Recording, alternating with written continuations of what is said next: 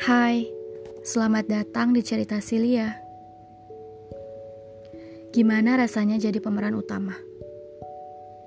Kehadirannya paling ditunggu dan dinantikan banyak orang. Ketidakhadirannya membuat orang-orang bertanya, dia ke mana? Kok seharian gak kelihatan? Atau jadi orang yang ada gak ada, gak ngaruh sama sekelilingnya.